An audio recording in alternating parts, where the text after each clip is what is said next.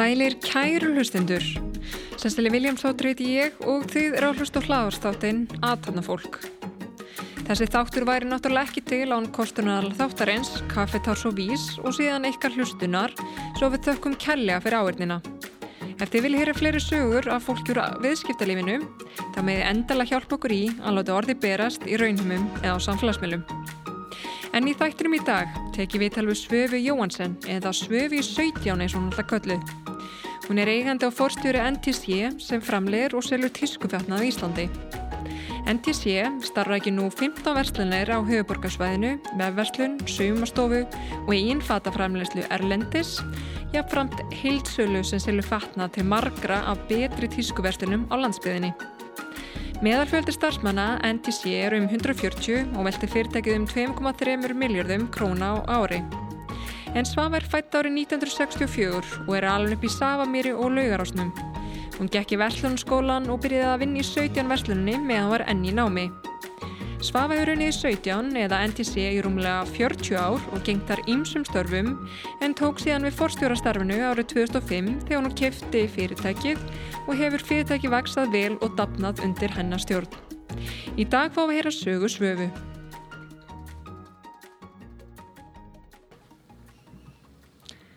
Sæl Svafa og verðu hjartala velkomin í þáttin. Já, takk fyrir.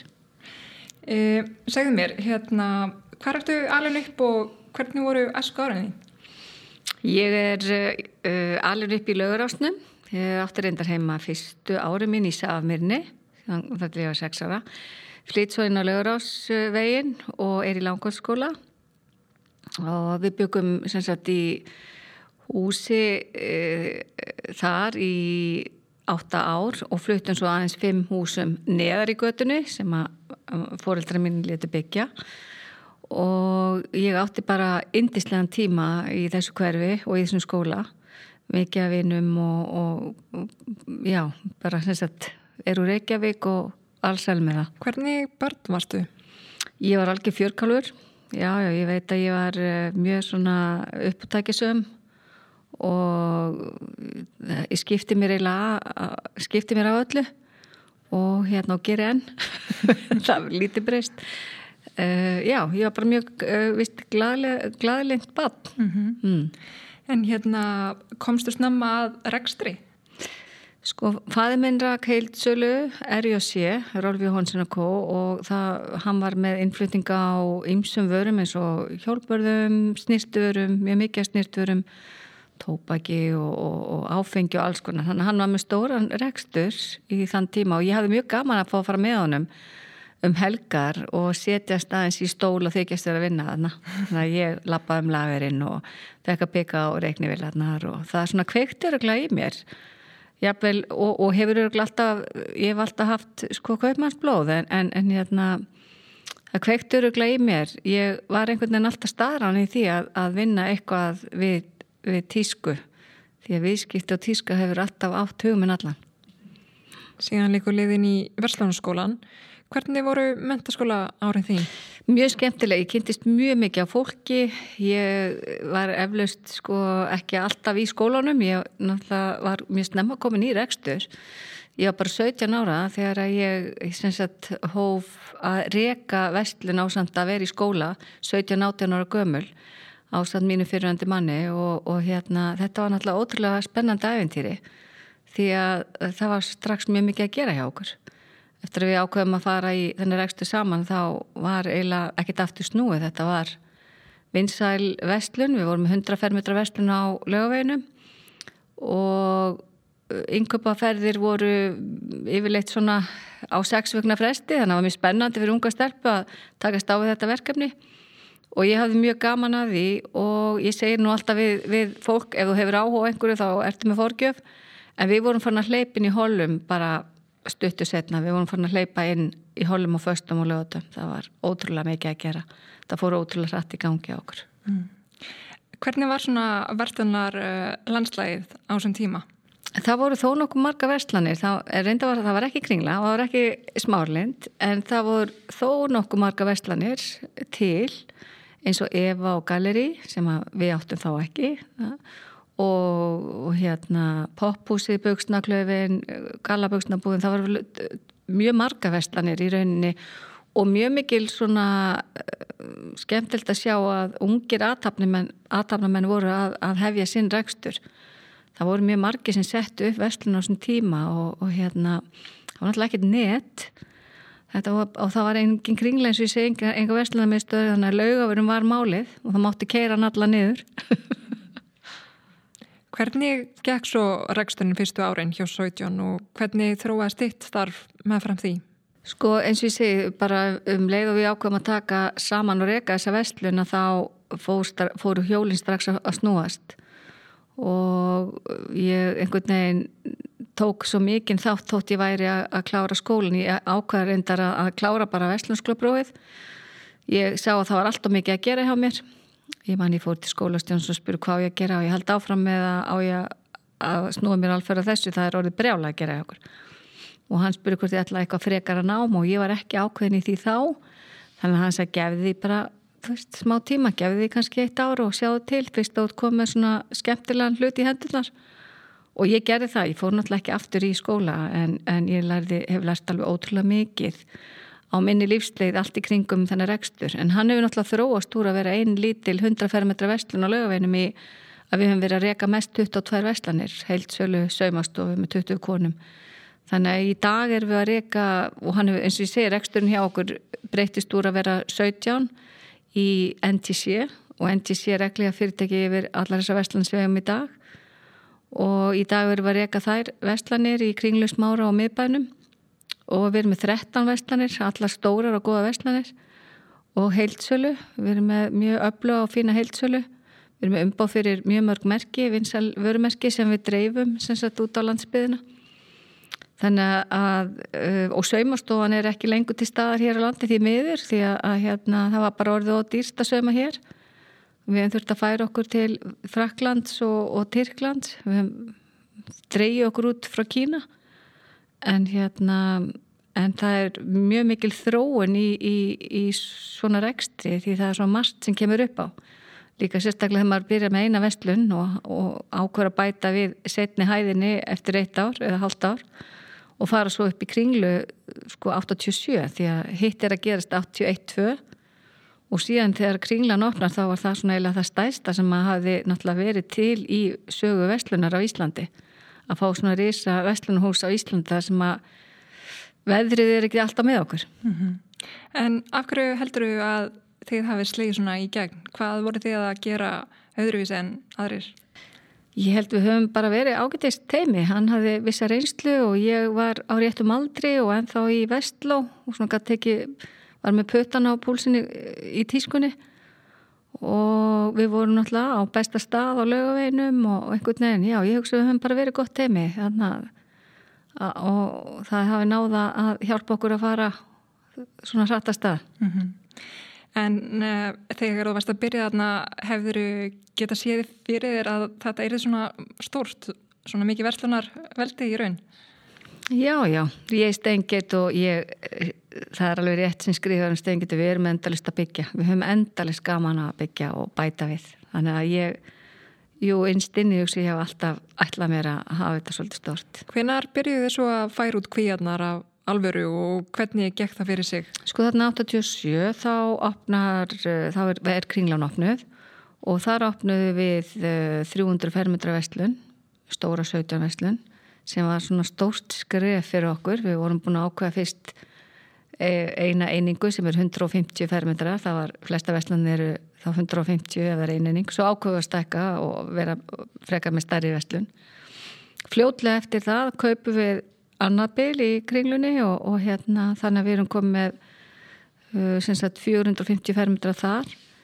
Og svo eftir það þá förum við 91 þá kaupum við sagt, Dómushúsi gamla sem 17 hvita stórahúsi var í mörg ár og það er svona eiginlega byrjunin á því að við mm, sagt, tökum þessi en þá stærri skref og opnum svo fleiri vestlan í kringlunni. Og síðan svona 2023 þá kaupum við vestluna retro í Smárlind og við sagt opnum fleiri vestlanir í Smárlind eftir það. Og við rekum fjóra vestlanir það núna og sex í kringlinni En hérna ásögum tíma þegar þið eru að stækka svona rætt eru það að díla við eitthvað svona vextarverki? Hvað já, eru svona já. mestu áskrunar? Já, ég auðvitað það alltaf, auðvitað þannig maður alltaf að vita að maður sé með góða vestlunarstjóra og bara vali fólki í hverju stöðu og það tók svolítið tíma um uh, svona, já, vissum tíma en ég ætla samt að fá að segja að það við hefum verið mjög heppin með starfsfólk og við eigum alveg, þetta er, þetta er svakalur hópur sem hefur unni með okkur í sumur, jáfnvel í tæp 20 ár Þannig að við erum mjög heppin að vera með mikið á góðu fólki og það er svolítið gaman að segja frá því að, að sumt af þessu fólki hefur verið að koma aftur. Fólk hefur kannski verið hjá okkur um tvítugt og fer svo í nám og fer svo á vinnumarkan en, en er kannski að skilja sér í öðru vísi, meira skristofuna eða inn í heilsöluna og komið aftur til okkar. Þannig að það, það, það, er svona hlýjamanni svolítið að sjá að fólk vil koma aftur. Það er bara mjög gaman. Mm -hmm. Hvað hefur eiginlega svona reynst vera best uh, í rauninni fyrir þig til að uh, hveiti fólk uh, áfram og haldi gott fólk? Sko, ég, mér finnst hver og einn verður bara að fá sitt svæði. Mér finnst þetta svo ólíkt, ólík störfrendar sem fólki er í hjá okkur. Við erum með vestlunarstjóra. Vestlunarstjóri hefur fengið hjá okkur það svigurum og hann er líka yngöpastjóri. Þannig hann ber ábyrð á því sem er vestlað inn í vestlunna. Ég held að þetta sé ekkit víða. Það er oft sem það er einn eigandi sem tekur ákvörðun bara og, og, hérna, og ábyrð á öllum einhverjum en það er mjög mörg ár síðan við höfum til dæmis eh, bóðið vestlunarstjóra verða einhverjastjóra líka. Við erum með ekstra stjóra sem heldur utanum einhverja fjóra-fimm vestlanir. Eh, við erum með sagt, þrjá aðila sem að eh, halda utanum sínar vestlanir tvo núna fyrir ekki. Og, og önnur þeirra, þetta eru tvær konur önnur þeirra er að sjá um fjóra veslan og heilsölu þannig að það er hægt að vaksa innan fyrirtækisins en mér finnst bara mikið aðri að hafa gefið fólki uh, ábyrð og, og sjálfstæði í vinnu og leifa þeim að, að hérna, be, já, þess að ég segi bera ábyrð á sinni vinnu og, og uppskera því uppskjöra því sem þau eru að sá sko. Hmm. mér finnst það að skipta miklu máli. Þetta eru sem sagt uh, vestlunastjórarnir sem fá þessa, þetta svona uh, svo sem var einhver heilsölu hjá okkur hún byrja gjörsalega ábyrða á öllu öllum sínum merkjum. Ég hef auksað svona að því þú spyrðum þetta ég auksað sér eiginlega bara ég auksað sé áhugi hjá fólki að fá að vinna í sínu sviði og byrja ábyrða því sem það er að gera mm -hmm. að það sé ekki alveg í bandi sko, það bara, bara, gengur ekki upp. Bara eh, treysta fólki til góra verka. Já, algjörlega. Og við erum bara þannig fyrirtæki við erum bara, við erum bara fjölskyldi fyrirtæki og við erum í engarekstri þannig að við erum ekki svona corporated stort fyrirtæki þannig að hérna að uh, þar er þetta örgulega gerist það bara automatist að hver eitt sérum sitt. En ég hef bara svona lært að reyna að slaka á að, að leifa fólki að sjá um það var ekki alveg þannig í byrjun sko, maður vildi sjá um allt en ég held að það sé ástæðan fyrir því að fólk vil koma aftur og, og svo er annað að það er góður hópur sem hefur myndast innan þeirra og ég held að fólki finnir skaman að eiga, þetta er orðið svo miklu vinir að því finnir skaman að fá að vinna með uh, sínum vinum og góðu fólki mm -hmm. þetta er svona góð, góð rót á fyrirtækinu mm -hmm. mm. Mikilvægt að hafa góðan anda innan fyrirtækisins Já, mjög, mjög mikilvægt Hvað myndur segja að sé leikillin að góðum verslanarregstri og hvað má alls ekki klika? Ég er náttúrulega í fata og tísku gerðanum þannig að við verðum náttúrulega að fylgjast mjög mikið með. Við verðum að vita nákvæmlega hvað er að gerast svona handanhótsins og við þurfum að vera útsjónasum. Þurfum, er, þetta, er ekki, þetta er ekki bara útlitt, þetta er svo margt annað. Ég held að, að um, eins og fyrir mig sem stjórnanda ég verð bara að vita að sé valin maður í, í hverju rúmi og að við séum sannarlega með, með rétt fólk. Við getum til dæmis átt vestlunarstjóri í einni vestlun sem er kannski ekki að standa sér mjög vel en við höfum átt að til að færa til í annars konar vestlun og þar hefur kannski viðkomandi blómstra. Ég held að sé aðalatri þar að gera sig grein fyrir að öll hjólinn þurfa að snúast og um, að að uh, hlúa að því þegar að, ef eitthvað er að. Þannig að vera svolítið, já, maður verður reyndar að vera 24-7 vakandi yfir svona rekstri.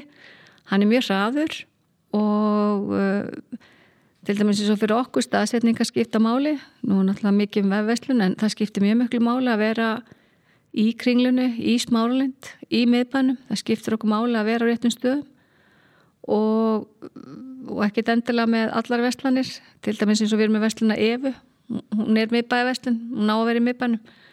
Og sama með GK, hún er svona miðbæði vestlun mm -hmm. þannig að já, ég held að sé bara um að gera að gera sér grein fyrir hvers konar rekstum maður er með og, og maður þarf að fara svolítið djúft í það. Maður þarf að lesa, lesa svolítið í vel í hlutina. Mm -hmm. og maður tekur ákvarðinir Síðan koma náttúrulega þessar hagsauplur og annað. Hvað myndur segja að hafi verið bestu árin hjá fyrirtekinu og kannski síðan þau erfiðustu? Uh, við áttum náttúrulega mjög erfið ár í kringum bankagreppina 2008, mjög erfið ár og erfið árin þar og eftir. Þetta kom mjög illa við okkur, rátt fyrir að við vorum búin að uh, vera mjög svona passasöm. Uh, við vorum meðlend lán og lánin voru náttúrulega fóru upp um næstu þrefald þannig að, að að lifa með 150 starfsmenn og hvetja áfram. Uh, við sögum engum upp, við dróum öllit úr vinnu hjá sumum. En við vorum að reyna að, að bjóða starfsfólki áfram vinnuna. Það var svona ótti í augum margra, við höfum marga fundi. Þetta er svona tíhembil sem ég vona að komi aldrei aftur Uh, en, en hérna maður læri rosalega mikið á þessum tíma. Ég bara held að ekkert nám hefði geta kent mig meira. Mm. eins, og, eins og hvað? Uh, eins og í rauninni að láta til dæmis bara ekkert yfirböða okkur. Við heldum okkar sjálfströsti og jákvæðinni bara gangandi. Við höfum passað okkur í fjárfestingum og annað, við höfum passað að, að vera ekki, að fara ekki hratt og í rauninni sko, og svo líka bara í rauninni sko hefur bara mín trú ég trúði alltaf myndan á að fara í gegnum hennan Olgusjó ég trúði því bara, ég var bara alveg ákveðin. Mm -hmm. og ég er svona pínu hjátráfull og ég er gaman á svona alls konar hluti þannig að ég, ég var náttúrulega með svona tarotspil það sem er merki á að þú hefur þetta í gegn og og hefninni með þér og alls konar svona. Og ég limdi þetta bara á, inn í fataherbyggi mitt. Ég limdi, ég sá þetta með einasta deg ég var klæðað mig, mm. þetta var bara mín kvartning um að við munum ná þessu. Mm -hmm. því það er skrítið að tala um í dag að eins og þetta sé bara hafi ekki verið erfið tími. Þetta, þetta var svo svakalega erfið tími. Eins og ég segi óttin og, og vonleis í augum margra fólk að missa vinnu og fyrirtækja að loka og fyrirtækja fara hausinn og, og allt þetta guðbless í Ísland, þetta var í rauninni kannski ástæði til þess að segja það því að þetta var alltaf farið til fjandans. En samt þurfti maður að halda áfram. Þannig að ég segi sko ef þú trúir ekki að sjálfa þig ef þú trúir því ekki að þetta muni uh, rettast og, og gangu upp að þá er svo margt farið. Þannig að þetta, þess að ég segi það kendi mér svo margt mikið meira heldur en það sem ég getur lært mm. í námi sko. Já að hérna og ég segi það alltaf og enn aftur ef sjálfströstið er til staðar og í ákveðnin þá ferur ansiland ansiland síðan snýr þetta við hjá okkur eftir hún uh, hvað kemur svo við þegar þeir eru komin út þessum olgusjó? Við förum og þú þannig náttúrulega rétt fyrir runni þá hérna uh, kaupuru fyrirtekið að, að, að fyllu? Já, 2005 uh, sem sett kaupi ég að mínum fyrirhandi manni fyrirtæki, kaupi hann út og reg fyrirtæki í svaka blóma 2006 og 2007 og mjög stór og flott ár. 2008 líka, það er til allt rundi í oktober og en 2009 til 2013-14 voru bara mjög erfi ár. Og hérna en síðan eh, hefur svona 2016 já svona 2013, 14, 15 2016 á eigum við aftur svona eh, uppseflu og skrítið að segja frá því. En, en núna í COVID í fyrra og heiti fyrra það hafa verið alveg svaklega fína ár. Það er einhvern veginn, fólk hefur náttúrulega verið í landinu og hefur verið að vestla og, og við höfum opnað vefsíðu sem sett stærri vefverslun. Vefverslun segi ég og við vorum með litla vefverslum en, en einhvern veginn þá náðist að uh, gera hana að alvöru í, í COVID. Fyrst að við vorum komið fyrstu skrifin þá gáttum við opnað. Þar var, var markastjóri innandir sem að uh, fann leiðir til þess að bara gera þetta svolítið handvirt sko. Þannig að við náðum mikill í sölu 2020 og 2021 og nú erum við komið með mjög flotta síðu og búin að stíga skrifið til fulls en, en það hjálpa okkur bara rosalega mikið að, að fólk verist svona skilja að þetta er lítið hagkerfi ef við vestlum heima, það er alveg sama í hver, hvers konar vestlun, þá erum við náttúrulega að halda peningunum inni og þá erum við að halda vinnu. Mm -hmm. Þetta er svo lítil hringrást. Þetta er bara ef að, ef að ég og allir vestla heima mm -hmm. þá er börnin, eða sem sagt börnin, fransískinin, fólk sem við þekkjum, það er allir með vinnu en það er hér ekki tatunleysi. Við höfum verið mjög duglega að vestla innanlands. Mm -hmm. Og líka svona ágætis kaupmáttur í þjóðinni. Já, já, það er það og ég, ég er ekkit ég er alveg hlindi að, að launin séu góð við þurfum að halda keðinni gangandi. Hefur koma erlendra netverslana eins og Asus og Boost núna Eh, hefur það breykt miklu fyrir ykkur? Sko Asos er búin að vera í svo mörg ár og eflust hefur bara Asos verið að taka og hefur og við hefum síðan tölur. Þeir eru hafa verið að taka heilmikinn pening út úr landinu. Þessi, það fyrirtækinn alltaf gert upp e, annar staðar og síðan er búst nýkomið inn og, og kemur með rosalegum látum og miklum auðlýsingum en á sama tíma er mikil aukning hjá okkur og ég held sko í rauninni þá sjáum við ekkert eh, þeirra áhrif fyrir svona kannski ef COVID væri búið. Og við værim öll fann að haga, sagt, ferðast eins mikið við viljum og, og fara út og, og í rauninni kannski já ég held að sko peningurinn sem er, er aukning hjá okkur er peningurinn sem að hefur farið út. En, en sínilega eru þeir að selja hellingi ef séu tölur og ég held að það hefur bara náð hálfu áru einu miljardi í sölu. Mm -hmm. þannig að það er heilmikið peningur. En hvaðan hann kemur, hugsaði sér hluta til eða stærstum hluta frá Asos. Mm -hmm. uh, ég hugsaði ekkert. Ég hef alveg séð einhverja tölur og, og ég sé að þeir eru að taka frá Asos. Já, þannig að þessar erlendu vefðslandir eru kannski doldið bara að kæpa hvort vera að, aðra um þessa hlutild í raun? Í rauninni væri það langt best að það væri bara svo leist en það ála eftir að koma betur í ljós Já. en það lítur út fyrir það núna en, en hvort að, að stórsala fari í burti frá íslenskum vestlunum þegar við fyrir að lifa eða lífi að það væri ekki gott mm -hmm. því við viljum heldur ekki sjá vestlunir bara hætta og loka eins og við höfum séð eins og til dæmis bara með geysi sem er alveg var gríðarlega fallið vestlun og svona svolítið stolt, hún var eina svona, já bara falleri og þá, það skipti þau miklu máli sínilega húsnæðin og allt í kringum vöruna og, og hönnun og, og það er volið leiðilegt að svona vestlani sé ekki áfram mm -hmm. þess að segja ef við viljum halda einhverju vestlunum í, á landinu þá verðum við náttúrulega vestla við þar mm -hmm. sem gafurubúður og húsgagnabúður eða fatavestlanir þannig að það er bara þannig. Þið eru búin að halda öll þessi ár. Hvað heldur þú að þið séu að gera betur en aðra verslanir eða verslunarkeðjur? Já, ég veit að ekki. Það er kannski svona bara einhver segla einhver í okkur. Náttúrulega kannski þetta er, þetta er búið að vera litla batni mitt síðan ég var 17 ára og ég hef mjög mikið áhuga á en þá á reksturinnum og á rekstri og á fatna ég hef mjög mikið áhuga á tísku og viðskiptum. Það er kannski og hef verið heppin að fá segi til okkar bara alveg ótrúlega flott fólk. Ég held að sé bara góð grunnur í fyrirtækinu, ég held að það sé. Það er, eins og ég segi, við erum með algjörða demanta inn á milli sem hafa verið lengi í fyrirtækinu.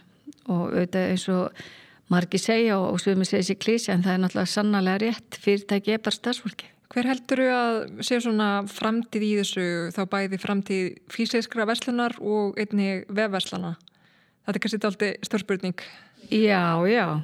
Já, við erum oft pælt í og eru mjög margir að, að spá í viljum við öll vera bara á netinu? Viljum við sem sagt þá ekki geta lappa nýri bæ eða fari í vestlunarmiðstöðarnar og farið og ráfa þeim í búðir? Við verðum náttúrulega að, að vita það að vestlanir inn í vestlunarmiðstöðum eða nýri miðbæ fara eða ekki vestla við þær ég persónulega, ég er bara þeirra kynsla ég hef engan áhuga á því. Ég hef svo mikinn áhuga á þessum samskiptum. Mér finnst svo gaman að fá fólk inn í vestlandar í spjall gefa ráðgjöf. Og við erum með alveg ótrúlega mikið af flottu starfsfólki sem kann að gefa ráðgjöf og hefur unni vita lengi. Þannig að ég vona að það verði ekki. Ég vona að verði þetta sé bara einhver ringrás vegna þess að það verðist eða svo margt farið ringi Já, akkurat. Það, það, það gæti alltaf komið einhver tíman eitthvað upp og allt inn að hætta allir að vestla á netinu. Ég sé það ekki núna en það gæti alveg verið. Það verðist svo margt fara í ringi einu sem voru voru þessi vörulistar. Það var rosalega vinsalt að panta. Þegar ég var lítill stelpa þá var bara panta allt upp á vörulistum. Síðan voru allt inn að koma vestlanir svona mikið meira og þá var það miklu flottar að enginn var að köpa í vörulir úr einhverjum, af, af einhverjum vörulista. Þú veist, einhverjum myndum og eitthvað og síðan koma þessar svona eins og Sara svona mónávestlanir með eitt merki og þær verða bara aðalmálið og hinn er átt að bara dett út var talað um en fyrir Ísland var það aldrei vegna þess að við getum ekki vestla svo mikið við margar vestlunarkeði sem er bara með eitt merki. Sara er alveg undatekning og, og H&M. Ég myndi segja að flestar, flest merki þurfa að vera innan um nokkur merki á Íslandi. Við erum ekki það stór. En svo, svo allt í hennu núna er komið aftur þessi ringur ás að vörulistin sem heitir núna vefvöslun. Mm. Það er orðið málið. Mm -hmm. Þú veist að þetta er búið að fara ring. Mm -hmm. Nú er svo gaman að vestla á netinu það var náttúrulega ekki til net, það voru bara blöð og þá var að vera að vestla og krossa í og senda mm -hmm. og það var bara að koma eftir kannski þrjárvíkur sem engi myndi sæta sig við í dag náttúrulega en, en þetta er svona, þetta er svona bara svipað eins og með brevbókana ég man að amma mín og afi ráku vestlun í Þingolstræti hérna nýr bæ og þau voru alltaf náttúrulega með brevbóka og síðan var ekkert engin vestlun en maður verið með flotta plastbóka og með flottum merkjum á á vestlunni þannig að nú er allir að vera með breyfbóka nú er engi vestlun sko almennilega með plastbóka, er þau ekki að hugsa um umhverfið, þannig að þar kom í að þetta henda ekki umhverfinu.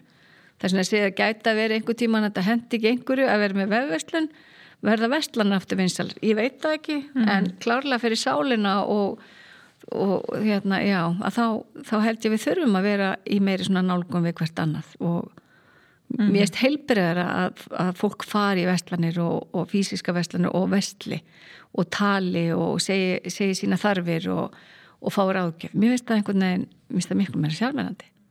Já, kannski er hlutið þess að þróast í átt að við viljum sækja eftir í fílaskapin, heita fólk og fara út. Uh, kannski fara Vestlanda meira að snúast um upplifinu að bjóða þjónustu sem ekki er að bjóða á mjög öðveldan hátt í gegnum netið? Já, einmitt. Og það er það sem við erum að gera. Við bjóðum til dæmis í okkar svona uh, betri búin, þá bjóðum við alltaf upp á kaffi og við erum mjög oft með eitthvað konfekt, við bjóðum upp á hvítvín eða freyðvín svona á föstu lögati í vissum vestlunum við höfum verið að bjóða upp á uh, tónlistamenn einhver, einhver atriði, ekki, ekki svona atrið en, en jú, lítil tónlistaratri þú veist þannig að það kom einhver og syngur eh, kemur einhver inn í vestlunum og syngur eða þá uh, DJ aðeins inn í eins og 17 og það sé eitthvað um að vera. Uh, mér finnst þetta að vera skemmtileg leið að, að þú fari til dæmis kannski eins og við vorum með saxofón um jóli núna í efunni. Að maður á saxofón í 2-3 tíma og við byrjum upp á leta stemningu með með, með hérna kampavinni og konfekti og þetta er svona öðru vísi. Lappa lögavegin og dettin í svona feeling. Mm -hmm. en þetta finnst mér vera manneskjulegra heldur en að sitja bara sent á kvöldi kannski og, og, og, og fara yfir hvað er til. En, en ég sannlega veit að það er mjög hendut og það er stund sem maður hefur ekki tíma hitt.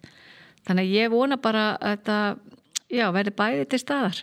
Mm -hmm. það þarf vel að vera en, en mér finnst bara ítrekka enn aftur að fólk þarf að gera sér grein fyrir að vestlani fara ef það er ekki vestlaðar Núna ertu búin að vera í þessu starfi og starfa hjá NTC og 17 í um 40 ár. Hvernig heldur þú eldmóðurum gangandi? Langar aldrei að gera bara eitthvað allt annað? Nei, það hefur einhvern veginn ekki verið. Um, Mér finnst þetta allavega mjög skemmtilegt en eftir ég fór að spila golf þá finnst mér það bara gegga og ég gæti alveg sem að vera bara í golfi. En ég hef alveg áhuga á mörg öðru. Ég hef áhuga á ég hef alveg áhuga á svona svona betri líðan. Ég hef áhuga á stjörnumerkjum ég hef áhuga á til dæmis blóðflokkum þú veist hva, hvað getur hjálpað er og ég hef rosalega áhuga á að, að einhvern veginn sjá og hjálpa fólki. Og ég hef stundu verið að skipta mér að og hef alveg getað hjálpa fólki.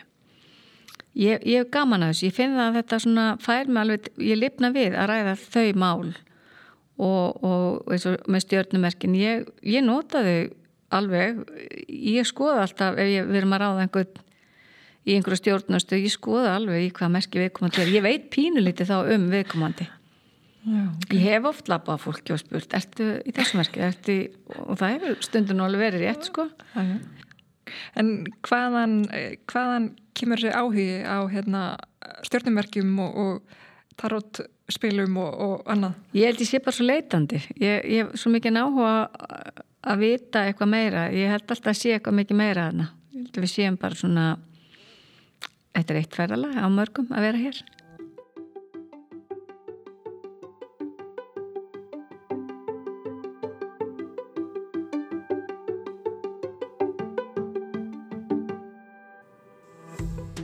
Ég ger hér stuttli á þættunum til að segja ykkur frá okkar frábæru kostunadalum. En hjá Vís getur hann að fara sem að fara til aukuvísi sem er byltinga kent nýjung í aukutækjatryggingum og getur hjálpa fólki til að lækka bílatryggingar sínar. Ég hveit ykkur til að skota betur og kanna verðið sem er algjörlega gagsett á vís.is. Síðan er ægilega sniðut að það er hægt að panta sér kaffi og aðrar vörur á kaffetar.is og það er frí heimsetting ef verslað er yfir 5.000 krónur og aftur að viðtalanu. Já, e, en hérna með uh, tarot spilin, það er hægt að nýta þau í ímislegt, en uh, sástu þar fyrir þér uh, að jörni, þið mynduð vaksa á þann veg sem þið hafið gert, bæði með að náttúrulega opna eigin verslanir, en líka þið hafið náttúrulega tókuð upp á því að kaupa aðra verslanir. Getur það svona sagt okkur frá því? Já, við, við, við gerum það einmitt, sko, flesta vestlannin okkar eru, er, höfum við byggt upp frá grunni en árið 2000 þá erum við sagt, uh, það er svona það var svolítið sérstakku tími og, og viss uppbygging, þá kaupum við fyrirtæki Eva Galeri við kaupum sagt það var um, centrum í Kringlunni vestlun og Eva Galri á lögavinnum og mjög margi þekkja þá vestlanir sem eru eldri en 40-45 mjög glæsilega flotta vestlan og vel reknar hjá, hjá hjónum uh, Mörtu og Dotta og hérna við í rauninu ákvæðum þá strax við kaupum eignina og seldum hann aftur og tókum Evu inn í húsi til okkar á lögavinnum En ákveðum svo að við vildum stækkana og hún er það sem hún er í dag og það hefur gengið mjög vel og hún hefur farið í 22 ári þetta ferðala með okkur. Og hún er náttúrulega uh, orðin, hún hefur farið svona, já þetta var svona 200 fermetra vestlun, 150 fermetra vestlun og hún er 400 og 40 fermetra vestlun og lífstilsbúð og, og við hefum reyndið að halda vel utanum um hana og, og að hún sé blómstir alltaf. Og síðan árið 2000 16 minnum mig, þá kaupið við Vestluna GK og það var náttúrulega Gunni og Kolla sem að stopnum þá Vestlun og síðan urðu nokkrir eigendur og við kaupum hana sagt, uh, þegar hún er staðsett í, uh, á skólastignum og er í skemmtilegu flottu húsi þar uh, svona best design.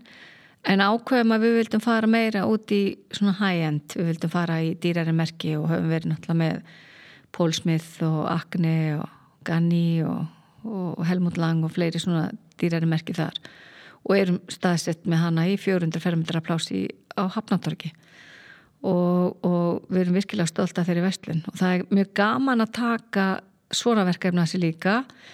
En auðvitað er það öðru vísi þegar þú ákveður nafni á vestlunni og ræða sama merkjum og þetta kallar á uh, yfirlegu fyrir, hvað, fyrir hvaða hóp á þessu vestlun að vera fyrir. Hvaða hópur á að sækja þessu vestlun þannig að maður þarf að hafa um, réttu uppsetninguna þegar maður er að hugsa svona og maður þarf að búa til sitt píramíta það eru aðalmerkin í miðjunni sem eru á, á meðalverðum. Það er örlítið ódýrari neðist og síðan er svona kryttið efst og það er svona alltaf spurning hvað þá er stórt og hvað, hvað mörg merki. Og maður vil hafa svona 23 verðflokka. Og svo þarf maður að finna út fyrir hvað, fyrir hvað hóp er þetta, hvers konar konur eða hvers konar menni að vestla í þessari vestlun og það er þetta sem ég finnst mjög gaman að gera og, og, og er svona held ég eins og ég segi, gaman bæði að byggja upp nýja vestlun eða taka við og setja ná braud sem að, að okkar áhuga og hafa. Hvaða leiður hafið þið farið í að sækja þessa mismundi markkópa meðalans þannan markkóp sem þú varst að vitni í? Uh, stundum er það bara þá erum við farin að spá í er gata markaðanum uh, vantar kannski fleiri vestlanir fyrir svona hóp GK og EVA eru kannski 30% líkar en 70% ólíkar. GK er fyrir já, kallmenn og, konur og, og er svona aðeins meira svona edgy ef maður sletta svona merki á meðan að EVAN er klassískari og smart þá er hinn svona fylgir rosa mikið tískunni en er líka svona stundum á, á brúninni svona pínu í tíska það var mm. gaman aðeins líka mm. Tekuru alltaf eftir því hvernig fólk er klætt? Já, ég gerði það Fylgist vel með því? Já, ég fylgist mjög vel ég held að ég bara renni augunum ég er bara búin að sjá einhvern veginn uh, í hverju fólk er og stundum ósjálflott að horfi og hugsa á hvað þetta myndir nú klæða þess að mikið betra vera í svona þessari sít eða eitthvað, en þetta segir maður ekki neitt en ekki nema fólk komið inn í vestun og byrð maður aðstof en við erum svo ólík í læginu og það er hægt að það er hægt að gera svo, föt geta gert svo mikið fyrir mann. En þau geta líka dreyja oft fram það vesta þannig að það er svo leiðilegt og sorglegt að sjá flotta mannesku sem er kannski með allt mjög fínt nema kannski eitthvað minn eitt sem er svona Eh, segjum bara með lengri búk og stýttri fætur eða öfugt að klæða sér þá ekki eftir því. Það er hægt að draga fram langa leggi eða lengja það öðru stuttir eða, og við viljum að líta vel út og, og hérna og ég bara hef alltaf haft gaman að því þannig að ég er alveg fljóti horfi á fólk og hugsa vá þá komið langa svo að þessi þessi kona fari þess að sýta kjól eða mm -hmm þetta er bara ósérlátt, ég myndi mhm. náttúrulega aldrei segja við viðkomandi eða tala um það í kring, en, en þetta er bara eins og er hvað gerist í haustum á mér sko.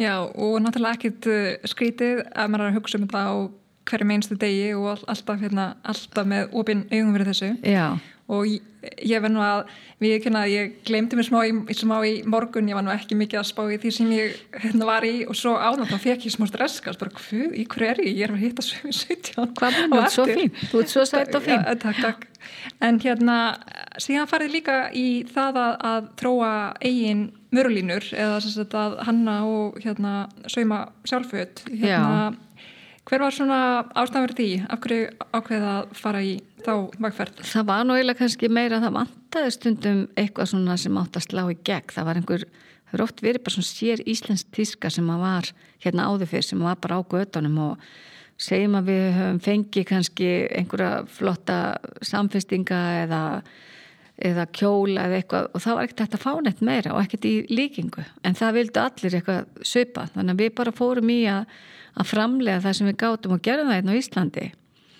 Og það gekk rosalega vel og við vorum að framleiða við byrjum á því að vestla við fatagerna bót. Var, og síðan eignust við hana. Við, við, hérna, og fengum eigandan með og svo heppin. Og hérna þannig að við vorum að sauma með einhverjum 20-25 konum í mjög mörg ár sem að þróast svo að við fórum að framlega vöruna bara elendis en svo kom að því að, að hérna, við ákvæðum að stopna okkar eigin fatalínu Moss og hún hefur verið til í öruglega einn 17-18 ár. Í upphæðu var það hún Andrea Magnúsdóttir fatahönnur sem er í Hafnafyrði, hún stopna hana með okkur og vann hana í þó nokkuð mörg ár. Þessi lína hefur auðvitað mjög vinsæl uh, inn í 17, okkar máslína. Við fórum svo fljótlega eftir það að hóum samstarf með, með bæði áhrifavöldum og hönnum. Um, það bæði verið harpa byrjað nú, harpa listakonna og síðan uh, Elisabeth Gunnars og þetta Gunnlaugs og hún uh, hún hérna Fanny Ingvars hvernig get ég glemt nafnunu hennar? Og ofsalega skemmtilega línur hún reyndar að koma tvisa með okkur. Og svo núna síðast var það hérna Saga Sif uh, handbóltakona sem að gerði seitslínuna með Galeri 17 og hefur gjörsanlega slegið gegn. Mm -hmm. það var gaman bæði að auðvitað er við kannski aðstöða hönniði og, en þeir eru aðstöða okkur. Þetta er svona skemmtilegt win-win uh, samstarf. Mm -hmm. þannig að bara gaman að við erum ekkert hægt sko. Við erum að við erum á höttunum eftir nýjum hönni mm -hmm. Heldur þau að það séu mikil tækifæri sem eru kannski ónýtt þegar kemur að íslenskri hönnun og, hérna, og kannski engum fata hönnun? Já, ég held það. Mér finnst uh, fólk í dag vera bara með ótrúlega hugmyndir og, og vera skapandi. Ég held að við getum alveg gert mikið meira en við erum að gera núna. Við sáum til dæmis að hönnur í Danmörku fóru á flug fyrir svona tíu árum og ég, það er til tölur um það hvað veltan jógst bara á útflutningi. Ég held að við eigum inni eh, mjög mikið. Ég held bara við þurfum að það er engin svona það er ekki svona eins mikið kannski lagt í, ég veit það er listaskóli hérna en það þarf einhvern veginn að gera sig grein fyrir hvernig þetta í rauninni allt virkar. Það er ekki bara hægt að vera uh, hönnuður og hafa enga þekkingu í hvernig ætla ég að selja vöruna mína. Þannig að það sem er kannski kent betur út í Danmörku og, og ég held að það þar stundum bara sem arkitekt að hvers konar húsi vil fólk búa í og svo ger ég þá mínu hönnun að því en ekki bara ég ætla að gera rosaflotta hönnun og svo bara sé ég til hvort einhver vil, vil þetta. Það er ekki hægt að gera þannig. Ég er búin að sitja svo oft hínum meginn og það búið að sína mér svo margt en ef ég hef komið og fengið og ég hef fengið með ansi mörg merki ellendis að fá að leggja inn hvað við erum að óska eftir að þá hefur það oft slegið í gegn mm -hmm. Akkurát Það er svona fyrir, fyrir okkar marka og, og stundum annar staða líka en ég hef fengið að koma að í stóru merkjum hef ég oft fengið að koma að með hönnunateiminu leggja inn, ég hef verið Ég er að setjast í, í svona framkvæmda teimi á einu stóru dönskumerki núna, bara núna eftir áramáttun, eða bara í februar og hérna, mér finnst það mjög gaman ég held að við erum það smá að við erum svo fljóta að heyra hvaða er sem að í rauninni er óska eftir. Ef við værum út í, í Breitlandi þá er það svo alls konar. En við erum svolítið fókusir á að þetta verður málið. Þannig að hérna þess vegna var hann sem að saumastofn var áhugaður við vorum svo fljóta að sjá það við þurftum að, að fá svona vörur. Já, já. Þú hefur auðvitað verið í gegnum árin með góðaugu fyrir einköpum og alltaf með puttan á púlsinum. En síðan breytist þitt starf mikið innan fyrirtækisins uh, sérstaklega eftir að þú kiftir út uh, fyrir um hluthafa út úr fyrirtækinu og þá sérst í starf fórstjóðanans og starfið hefur vantilega breyst mikið. Já, mjög mikið. Ég náttúrulega er bara alveg frá því að við hleyp rætti við að vera 17 ára og vera í vestlu og, og að kveiki upp eitthvað bál hana, að búa til eitthvað spennandi e, yfir ég að vera með tvær vestlanir sem var líka að vera með vestlun og lögu og kringlunni. Það, það þurfti líka, allt í nú gati ég ekki verið allt í öllu, það voru tvær vestlanir og síðan þegar komið þrjára og fjórar og upp í tíu þá breytist þetta að við byggum til meira píramítateimi það voru uh, rekstastjóri yfir dömu deildunum og rekstastjóri yfir herradeildunum. Og svo þurfti ég að vera þar yfir yfir öllu yngapateiminu og við vorum komið 20 verslanir. En síðan náttúrulega þegar að það gerist að ég kaupi minn fyrirhandi mann út þá, þá náttúrulega þarf ég að setjast í bara fórstjóru stólin og, og í rauninni að takast á við sum verkefni sem ég aldrei tekist á við ég var meira að búa til verkefnin og, og búa til peningin en hvernig átt að vinna úr honum og, og, og það allt saman það þurfti að læra hans er allt. En þetta, er, þetta var mjög svona þetta var svona að hoppa á einhverju stökkpöllum að fara úr einni búið í tvær og svo allt í hennu fimm og tíu og þetta var svona já þetta var svona eins og var, vera að hoppa á einhverju stökkpöllum. Ég verði aldrei reynst vera erfitt að halda utur um alla þessa þræði? Aðalatri er á gott starfsfólk og vita að að hérna, það sé verið að sinna öllu. Það er einnig bara mitt starf í dag að sjá að öll maskina sé í gangi. Ég hleyp alltaf þar sem er eitthvað að. Og fyrir utan að gera það þá er ég enþá í yngpateiminu ég fer á skósýningar og ég fer á fatasýningarnar. En ég kaupi bara inn fyrir vissa vestlanir, ég er bara með í yngubunum fyrir vissa vestlanir en, en vestlunarstjóri er ábyrgur og í rauninni ræður í öllum vestlunum nema eins og ég segi það eru kannski tvær vestlan sem ég skipti mig meira annað er ég bara að horfa á og, og líta yfir hvað er verið að kaupa inn og, og ef ég sé einhver meðstök þá, þá tökum við uh, bara umræðum um það og stundum er viðkomandi vestlunarstjóri alveg ákveðin í því að þetta mun að selja og þá er það bara þannig og sem betur hafa það oftast rétt fyrir sér.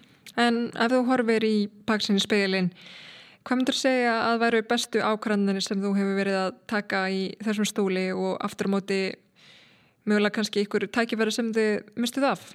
Já, já, öruglega. Sko, ég held að við getum bara verið mjög ána með það. Við e, e, jökum við nokkra vestlanir í smárleindi núna nýlega eða sem sagt, við náttúrulega nýbara var núna í, í nógumber desember voru við afna eina og það hefur gengið mjög vel það var náttúrulega stóra skrif okkur það var að fylgja kringlunni alveg strax á byrjun og opna, við vorum með tíu vestlanar það mest lit.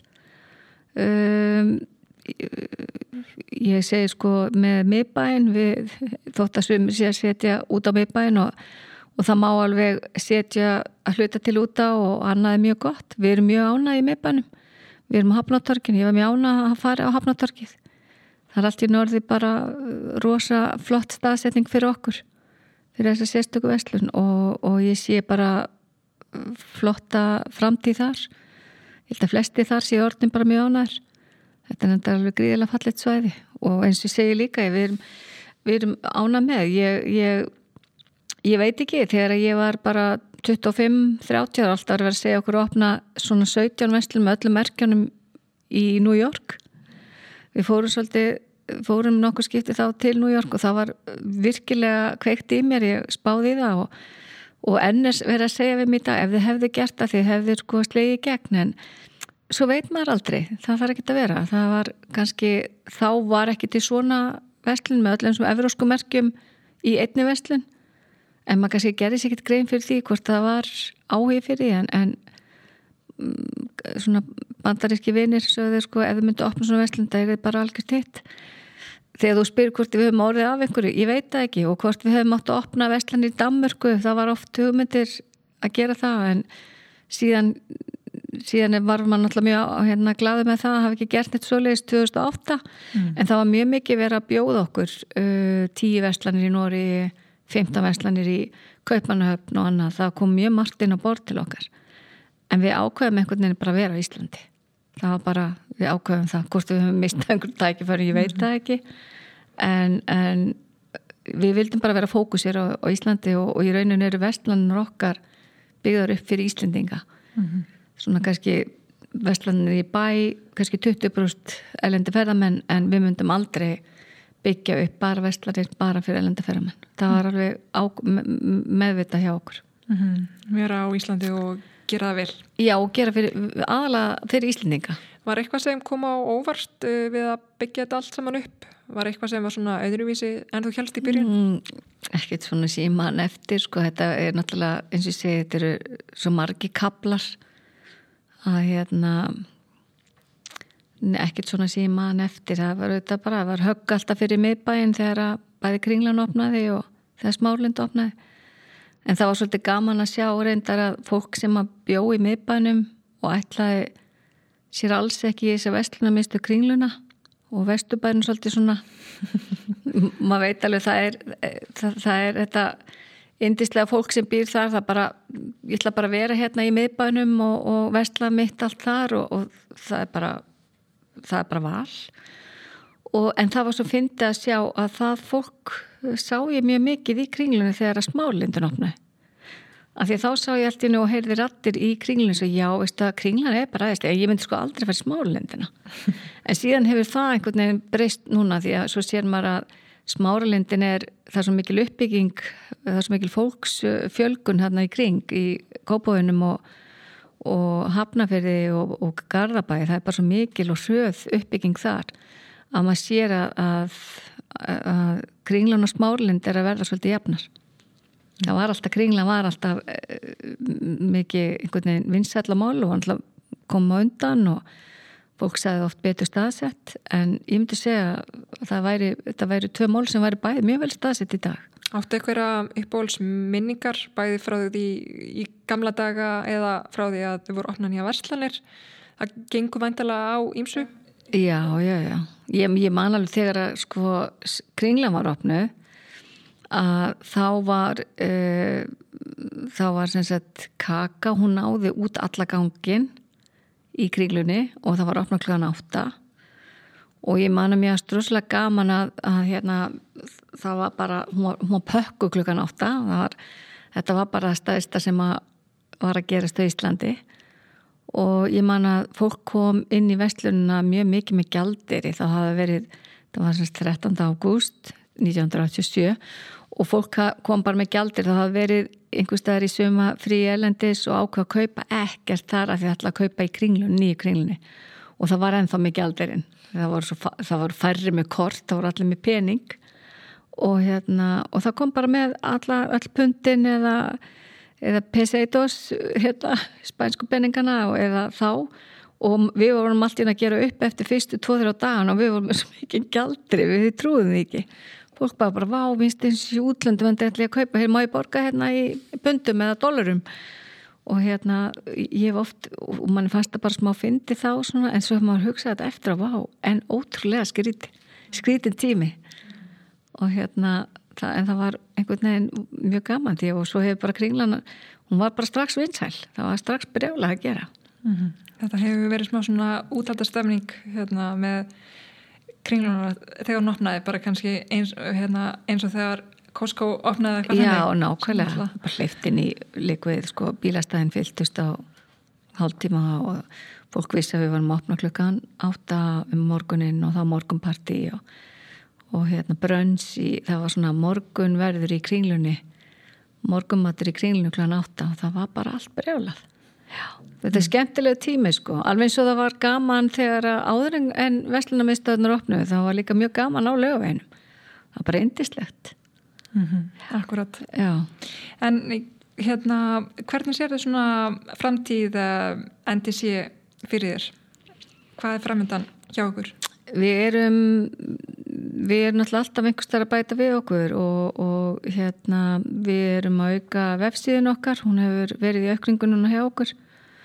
Við erum líka að horfa til uh, fleiri veslana og auka við okkur merki. Þannig að við erum í raunin alltaf við erum bara ákveðið að vera eh, í okkar business og á þessari línu. Við höfum stundum spáði hvort þetta maður gera eitthvað annað. Auðvitað hefur það verið gaman en við erum einhvern veginn svo sátt þarna. Bara, þetta er okkar geri. Mm. -hmm. Halda fókus og, og gera það sem það tekki best. Já, algjörlega, þú veist, það hefur alveg verið farið fram á við okkur að opna uh, til dæmis á Akureyri okkur nokkra vestlanir og, og við höfum alveg verið að skoða það. Það getur vel verið að opna einhverja vestlanir við hefum það helst vilja gera það í, í sam, samráði við einhvern sem býðar þannig að við erum svona bara að skoða það. Mm -hmm. en annars erum við að selja á flest alla staði á landinu í heilsilin okkar mm -hmm. En hérna, hvað finnst þér svona skemmtilegast við þetta? Og svona, og, uh, og hvað er það sem er ekki alveg jafn, skemmtilegt? Mér finnst? Já, mér finnst alltaf gaman. Ég, ég hefði helst vilja bara geta verið í vestlunum.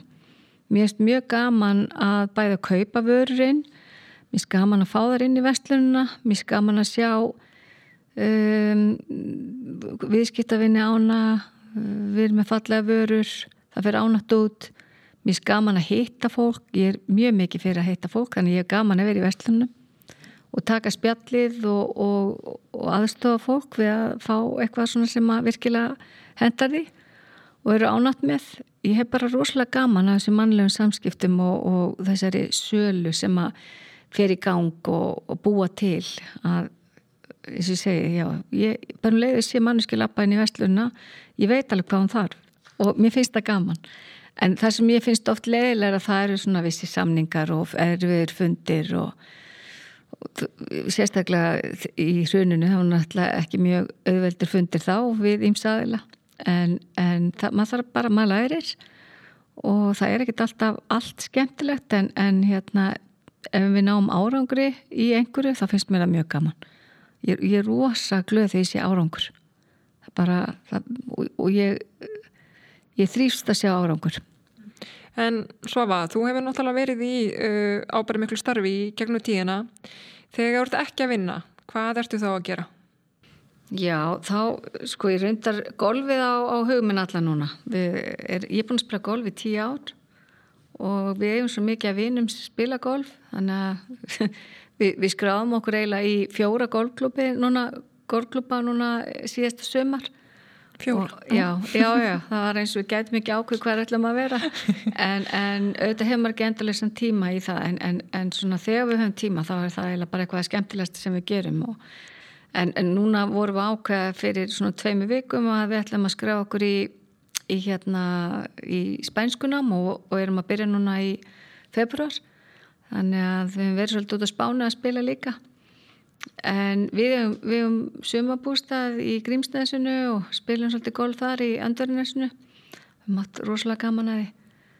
Og ég hef gaman ég, ég hef rosalega gaman að mörgu, ég vildi oft ég hef meiri tíma í svo margt í svo mikil grúskari. En, en þetta er alltaf það sem að, svona, við eigum samilegt og gerum mjög mikið saman ég og maðurinn minn En að lókum, uh, hverju ertu stoltist af að þú lítir svona yfir ferilinn? Mm, já, það er alltaf svolítið erfitt að segja það. Ætli, ætli sé ekki bara stolt af því hvað ég hef haldið þetta lengi úti. Kanski, kannski best að segja það. Þetta er svo margt. Ég er náttúrulega í svona rekstri, já. Ég bara í rauninni, já, kannski að það hafa haldið úti lengi sko, og haft svona mikið náha í svona langan tíma. Mm. Ég ég hafi eiginlega bara nokkuð svipaðan áhuga núna og ég hafi í byrjun. Þetta er bara það skemmtilegast sem ég geri mm -hmm.